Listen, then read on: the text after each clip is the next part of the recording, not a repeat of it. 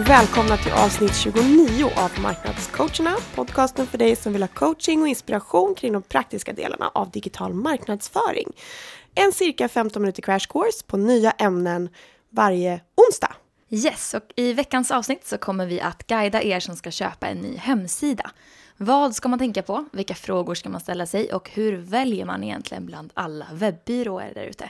Precis, det finns ju en uppsjö. Så att vi som håller i podden är som vanligt Josefin och Sanna. och vi kommer att guida er. Vi är marknadsförare på Business Reflex, en digital byrå för B2B.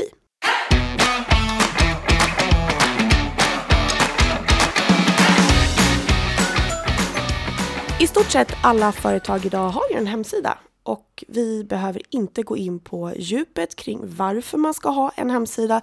Det känns som att det är en självklarhet. Till och med min dotter brukar fråga, mamma har de inte en sida vi kan titta på? Så vet vi sen. och hon är fem, sex år. Ja, hon fyller snart sex. Börjar i tid. Mm. Nej men det handlar ju om vikten av att kommunicera ert varumärke och budskap online och bli hittad och därmed kunna stötta på köpresan från start. Så vi delar upp det här avsnittet lite grann i två delar. Först och främst så kommer vi att eh, guida er kring vilka frågor ni ska ställa innan ni ger er ut och letar webbyrå, själva förarbetet och sen även vilka frågor ni ska ställa då ni väljer webbyrå helt enkelt. Utvärdera leverantörer. Då kör vi. Yes. Vi börjar med innan. Och det första som ni behöver göra då är att eh, konkretisera och vara så tydliga som möjligt vad syftet är med er hemsida. Är målet med hemsidan att ni ska sälja saker? Är målet att människor ska donera pengar, ladda ner information? Eller är det bara en kontaktsida?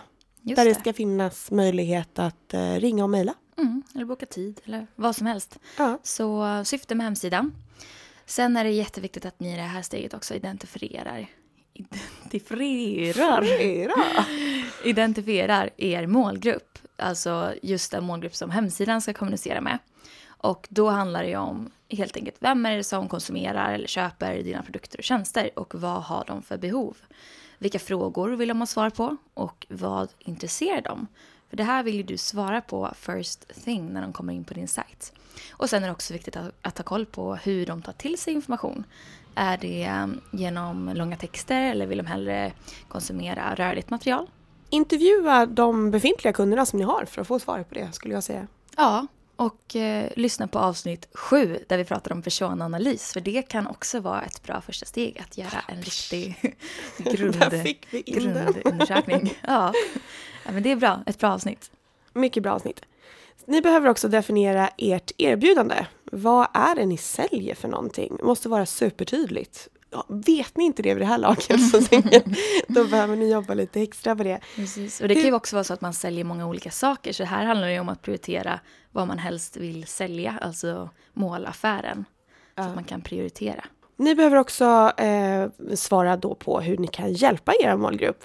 Försök att svara på deras frågor. Ja, och sen kommer det även in lite USPar och försäljningar. Ni måste ju kunna förklara enkelt och pedagogiskt vad är det som är så bra med er produkt och tjänst jämfört med konkurrenters och varför de ska välja just er som leverantör. Och har ni det här tydligt för er redan i början, innan ni ska knåpa ihop sidan eller få hjälp med att knåpa ihop den här sidan, så underlättar det enormt mycket både för er och för dem som ska hjälpa er att bygga sajten. Mm, precis, det kommer ju spela stor roll i hur ni bygger er sidstruktur och vilka sidor som ska ha vilket fokus och så vidare. Yes, det var steg ett. Steg ett. Steg två. Ni behöver veta vad ni har för budget. Alltså vad får det kosta? Eh, Ett avancerat webbprojekt där man tar in utvecklare och vill ha specialdesignade funktioner kostar så mycket mer än om man till exempel väljer ett färdigt tema i Wordpress såklart. Desto mer specialfunktioner, desto mer kostar det. Och då behöver ni veta redan innan ni går in hur mycket får det här kosta för er. Precis, och man ska inte tänka att ju dyrare desto bättre. Det stämmer inte i det här fallet, utan specialdesignade funktioner i all ära, men ju mer kodning som behövs för att skapa din webb, desto mer låst blir det ju på lång sikt. Så fort en ändring behöver göras, eller du kanske vill ha en ny typ av funktion eller en ny typ av sida, så behöver du dra in den här webbyrån igen och de kommer ta en saftig summa för att eh, hjälpa dig med det, faktiskt. Och eh, därför är det bättre att, som vi rekommenderar, bygga sin Wordpress-webb baserat på tema. Och då är det flexibelt att göra de förändringar och sköta din webb själv på ett annat sätt. Ja, min erfarenhet är också att det, det brukar bli mera så här små fel. Alltså det blir mera mm. strul. Ju, ju, mer avancerad och ju mer piffig och ju mer kodning man lagt in på en sida, desto struligare brukar det bli i slutändan. Och man vågar ju inte gå in och pilla i den här CSS-koden själv, så därför kostar det att ta in hjälp varje gång. Så vi rekommenderar att bygga på tema om du kör Wordpress. Genom att välja ett allsidigt tema så har ni många möjligheter att skapa den webben som ni vill ha och som ni kan leva med länge. Och eh, ett tema som vi har använt väldigt mycket när vi har byggt webbsidor i Wordpress är Avada-temat. Mm. Eh, och vi har börjat eh, glänsa lite på olika teman också, men det har fungerat väldigt bra för oss mm. och det har varit få strul och mm. lätt att sköta. Det mesta går att göra. Sen efter att ni har definierat er budget tydligt så måste ni även svara på frågan vem det är som kommer att jobba löpande med hemsidan framöver. Och det här är en fråga som man kanske inte alltid tänker på att ställa.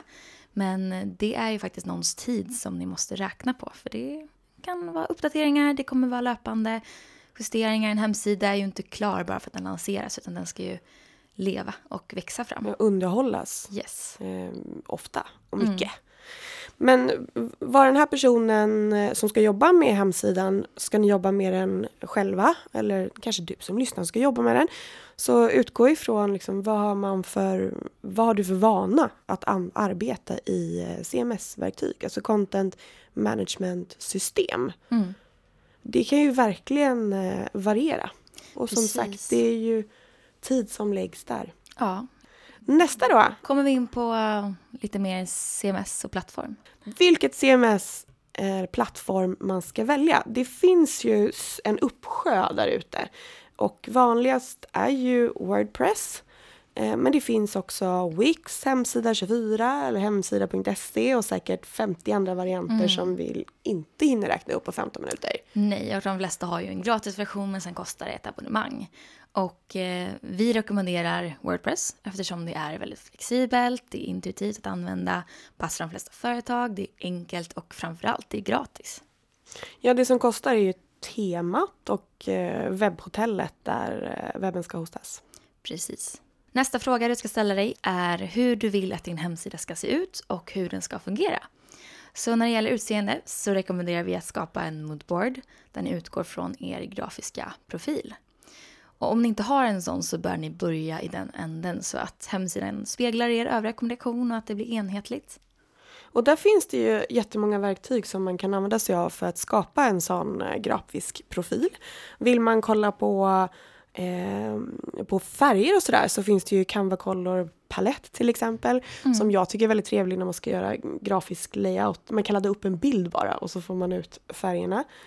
Eh, Adobe har ju sin egna så color charts men sen har jag testat ett annat verktyg på senaste tiden som heter Mockflow. Som man får testa för en... Ah, just det. Ja, och då kan man ju lägga in typsnitt, storlek, färger i hexa liksom, eller RGB och kunna exportera en snygg pdf. Precis. Mycket trevligt tycker jag.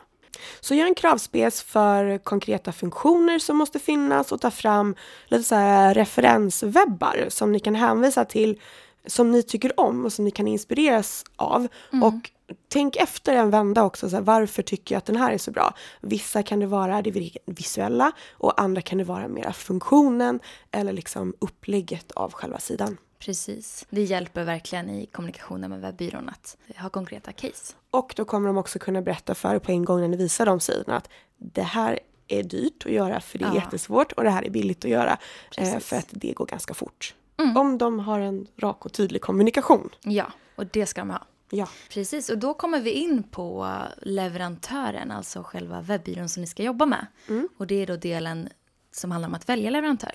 Och första frågan är här ju vilka webbyråer som ska komma med på din shortlist. Alltså vart börjar man någonstans? Det finns ju hur många byråer i Sverige, om man nu jobbar här eller vart man nu söker, som helst. Så att vi rekommenderar att börja med att höra runt bland både vänner och även branschkollegor och fråga helt enkelt vilka byer de har använt sig av. För de flesta har ju någon gång haft något med en ny webb att göra. Och helt enkelt vara nöjda, vara inte nöjda och få fram liksom, ja, men, några företag som du sen kan gå in djupare på.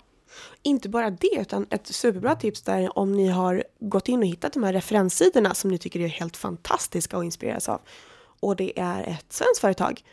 Hör av er till dem och fråga vem har byggt er sajt. Mm, jättebra tips. Det är ju konkret som, det kan inte bli mer konkret. Mm. Och fråga på LinkedIn i ditt nätverk. Mycket bra tips också. kan hjälpa till. Så gör research eh, online eh, och googla såklart. Sen den här shortlistan som kommer fram här, de här ska ju i första steget helt enkelt uppfylla den kravspecen du har gjort från början. Så det är liksom ett krav innan du går vidare, att de kan hjälpa dig med det du vill ha hjälp med. Sen kommer vi tillbaka till det här igen, lite vi pratar budget och vi pratar liksom pris och prissättning. Hur vet man att ens leverantör kommer att hålla sig till det här offererade priset? Mm. När ni har gjort den här kravspecen, ni har tagit in offerter och sen är det dags att börja liksom snacka business. Då är det så, många byråer där har ju en prismodell som är baserad på paketpris. Och då är det vissa saker som ingår. Be att få det beskrivet vad varje punkt innebär i det paket som du är intresserad av. Så att både du och leverantören har samma uppfattning om vad just de punkterna omfattar. Så att det inte blir en sån här tolkningsfråga. Mm, både vad som ingår och vad som inte ingår. För Absolut. Det är ju så om ni kommer på saker längs vägen, alltså när ni frångår den kravspec som ni från början har eh, stadgat så kommer det ju komma massa nya kostnader. Och mm. mycket görs på löpande räkning och då kan kostnaderna skena. Så jätteviktigt att göra det här grundliga förarbetet från början med vilka funktioner ni vill ha, hur det ska mm. funka, hur det ska se ut så att det inte blir några tråkiga överraskningar längs vägen. Yes, och eh, man kan ju undra sen när man kollar runt på webben och när man pratar runt, hur kan det skilja så himla mycket i pris mellan olika hemsidor beroende på vem som mm. gör dem? Och Självklart kan det vara liksom specialfunktioner som är väldigt dyra, sånt som man knappt ser, men att en bild ska liksom röra sig på ett visst sätt eller ta upp en viss del av rutan i mobilt läge och så vidare. Men det speglar ju stor del liksom, hur den är uppbyggd rent tekniskt och vem som kommer sköta om den efteråt, om det är ni eller om det är webbyrån. Och som vi var inne på tidigare så är ju färdiga Wordpress-teman en billigare väg att gå, både ur ett kostnadsperspektiv och så är det även mer flexibelt så småningom. Man behöver inte blanda in massa utvecklare som ska koda varje gång man ska ha något nytt. Mm. Sen finns det ju väldigt många eh, funktioner som är enkla i form av plugins. Mm. Som man kan anpassa efter sina behov. Istället för att utveckla dem själv. Ja, och som vi sa förut, dyrare hemsidor är inte alltid bättre hemsidor. Utan det beror helt på vad det är som har kostat pengar. Precis. Men då vi snackat lite stålar. Eh, då behöver ni fundera lite grann över tid. En vanlig fråga är hur lång tid det tar att bygga en webbsajt. Mm. Jättesvår fråga. Men vad är det som är rimligt från leverantörens mm. sida? Och det beror ju återigen på hur avancerad hemsidan ska vara. I samma stil som i prisexemplet som vi nämnde innan så tar det såklart en avancerad hemsida längre tid att leverera. Sen beror det ju supermycket på vem det är som ska leverera vad och i vilken ordning. Ja. till exempel texter, bilder, design och layout och hur mycket finns det redan? Har ni en befintlig sajt och är supernöjd med alla texter? Då är det någonting som verkligen komprimerar ihop tiden. Ja. ja. Så uh, i många fall så är det faktiskt ni som ska skriva texterna. Eller om ni har hjälp av copywriters så är det ju ändå ni som ska bidra med kunskap och expertis kring just era tjänster och ert område. Så mm. därför hänger det ju jättemycket på er, hur snabba ni kan vara att leverera. Men en ambitiös men ändå rimlig tidsplan är uh, fyra veckor. Men då gäller det ju verkligen att alla håller sina deadlines. Ja, då blir, det blir lite tajt alltså. Ja, men nu pratar vi en sida som har upp till tio sidor. Men ja. ju fler sidor man ska ha, ju fler texter, ju fler bilder och så vidare, desto längre tid tar det ju. Definitivt. En... Och räkna på allt det här med eh, gammalt material som eventuellt ska flyttas från andra sajter. Har man varit väldigt aktiv med sitt content tidigare så är det också sånt som man behöver ta med i beräkningen mm. till exempel. Och det är också sånt som ska, också ska fräschas till ja. i ett webbprojekt för att höra ihop med den här nya trevliga grafiska profilen. Precis, så om vi pratar tidsplan, allt från fyra veckor till eh, tre, fyra månader kan det ju ta beroende på, på timeframe och hur mycket content som ska produceras. Men jag håller med. Sen kommer vi in på det här med eh, lokal leverantör eller inte. Behöver man sitta i samma stad? Vad säger du Josefin? I teorin och praktiken också för den delen så skulle man ju kunna sitta i ett annat land. Ja. Alltså det går ju. Det är inte omöjligt. Mycket går att fixa via webben. Så det beror helt enkelt på om man föredrar ett nära samarbete eller om man tycker att det är okej att ta större delen av kommunikationen via telefon och e-mail.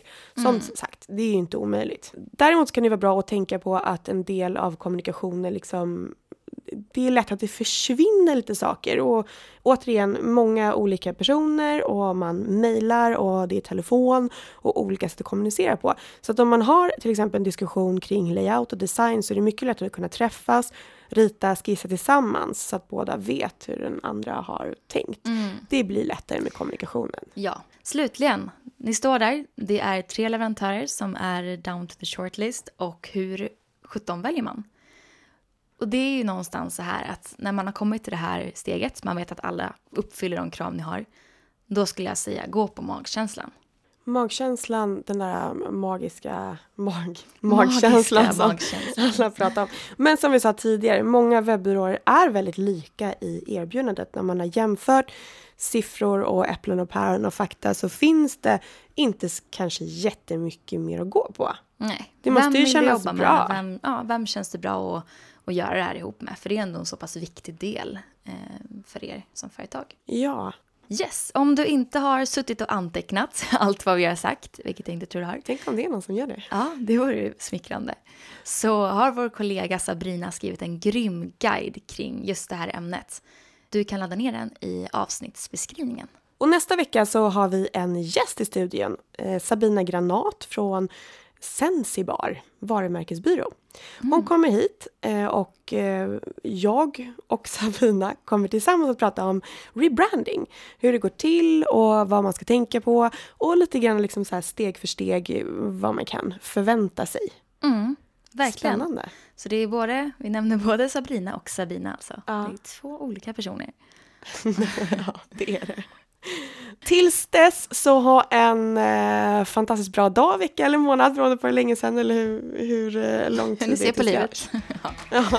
ha det så fint. Hej då!